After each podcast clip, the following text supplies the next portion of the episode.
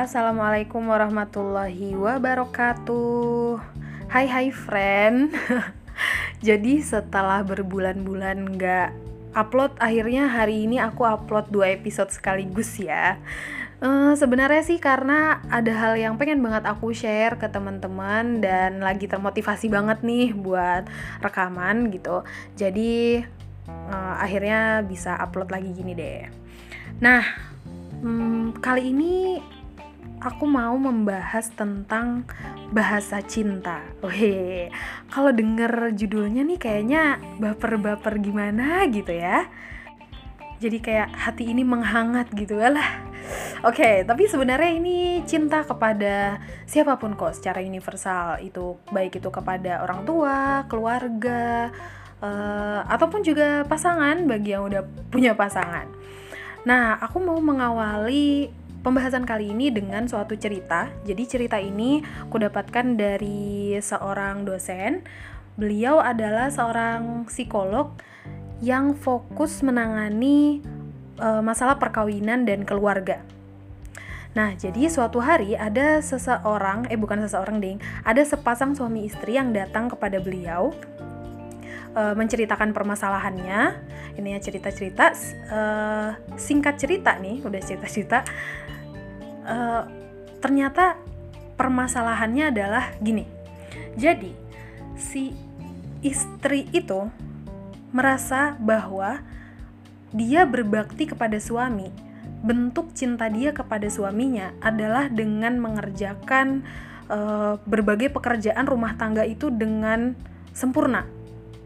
Jadi uh, masakan mateng, terus rumah rapi, apalagi bersih dan mengkilap. Pokoknya kerjaan rumah tangga tuh beres gitu. Itu adalah tanda bakti dan cinta dia kepada suaminya. Nah sedangkan suaminya ini adalah seseorang yang uh, apa ya cintanya itu adalah dengan ditemenin uh, karaoke, ditemenin ngobrol, uh, main bareng kayak gitu. Nah suatu hari pernah ada suatu kejadian si suaminya ini minta ke istrinya untuk ditemenin karaoke. Nah, saat itu istrinya tuh menolak dan bilang kalau ini loh, pekerjaan ini tuh pekerjaan rumah tuh belum selesai gitu. Nah, dan itu tidak hanya satu kali, tapi hingga menjadi sebuah masalah di dalam rumah tangga mereka. Gitu. Nah, kita bisa ngelihat nah singkat cerita uh, ceritanya cuma sampai situ aja ya gitu. Karena beliau nggak menceritakan lebih jauh. Tapi dari cerita itu kita bisa ngelihat bahwa ada bahasa yang berbeda. Dua-duanya nggak ada yang salah.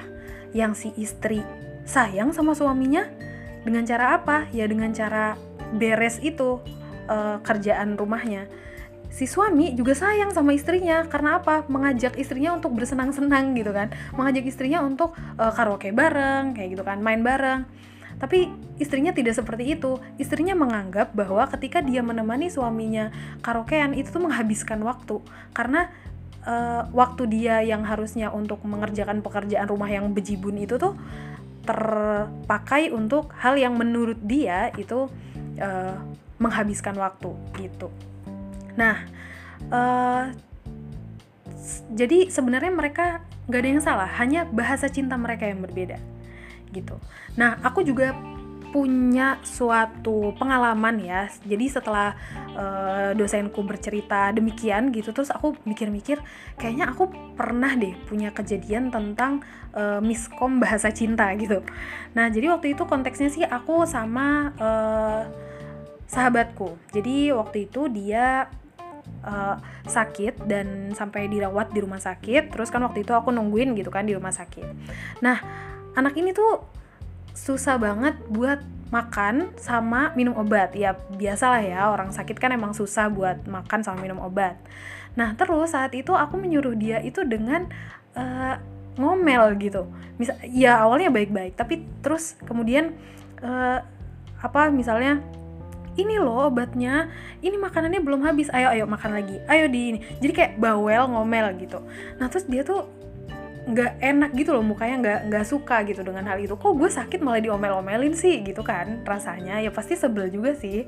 Nah tapi waktu itu yang aku uh, maksudkan bahwa semakin aku mengomel maka itu semakin uh, tinggi gitu loh rasa sayang aku ke temanku gitu dan begitupun ketika aku sakit kalau misalnya ada orang yang dia ngingetin aku sampai ngingetin akunya tuh di uh, apa agak agak ngomel agak marahin gitu ya tapi untuk sesuatu hal yang baik buat aku aku merasa aku semakin disayangi gitu loh dengan kayak gitu. Ya ampun dia sampai uh, marah dia sampai apa ya bersedia marah untuk kebaikan buat aku kayak gitu. Aku merasa gitu.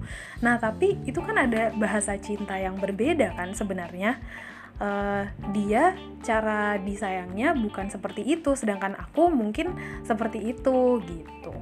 Nah terus gimana dong kalau misalnya antara kita dengan orang yang kita sayangi orang yang kita cintai itu punya bahasa cinta yang berbeda? Terus gimana? Apakah harus uh, menyamakan bahasa cinta itu? Misalnya kayak tadi yang kisah suami istri itu apakah kemudian istrinya harus uh, mengabaikan tugas rumah tangga dan kemudian dia ikut menjadi uh, apa ya orang yang suka main uh, orang yang apa suka karaokean sama suaminya gitu.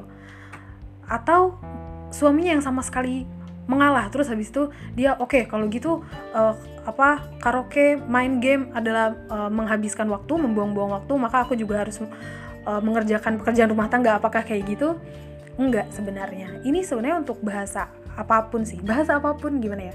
Jadi ketika kita memiliki perbedaan dengan orang yang kita cintai atau, atau orang yang kita sayangi bukan kemudian kita menyamakan bener-bener uh, bahasa cinta kita tapi bagaimana kita ada uh, saling memahami dan fleksibel.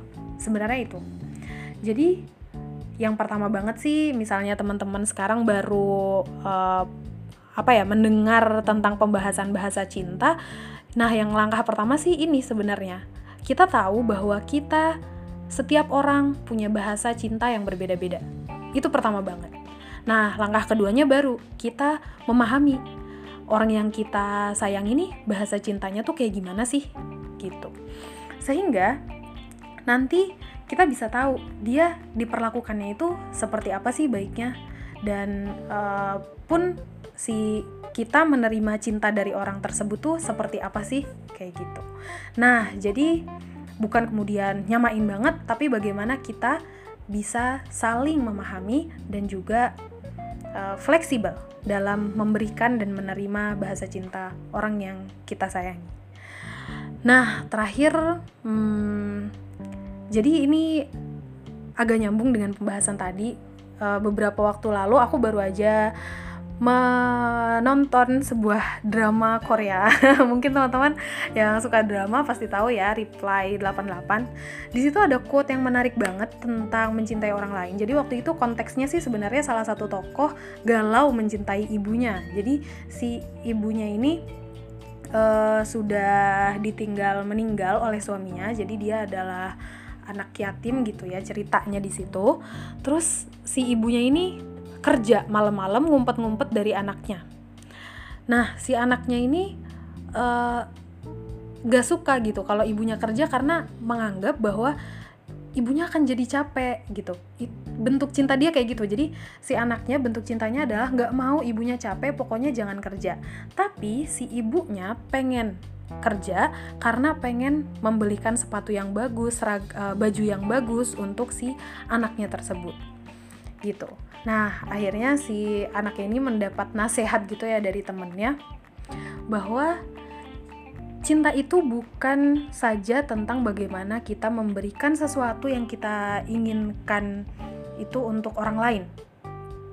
Misalnya si anak tadi ingin memberikan sesuatu hal bahwa ibunya jangan sampai capek gitu kan tapi cinta itu adalah tentang bagaimana kita bersedia menerima sesuatu dari orang yang kita cintai.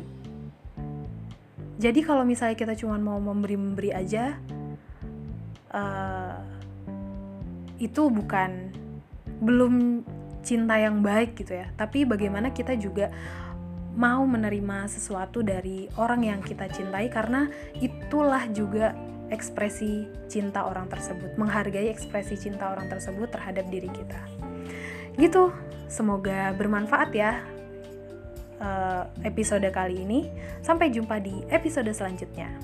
Bye.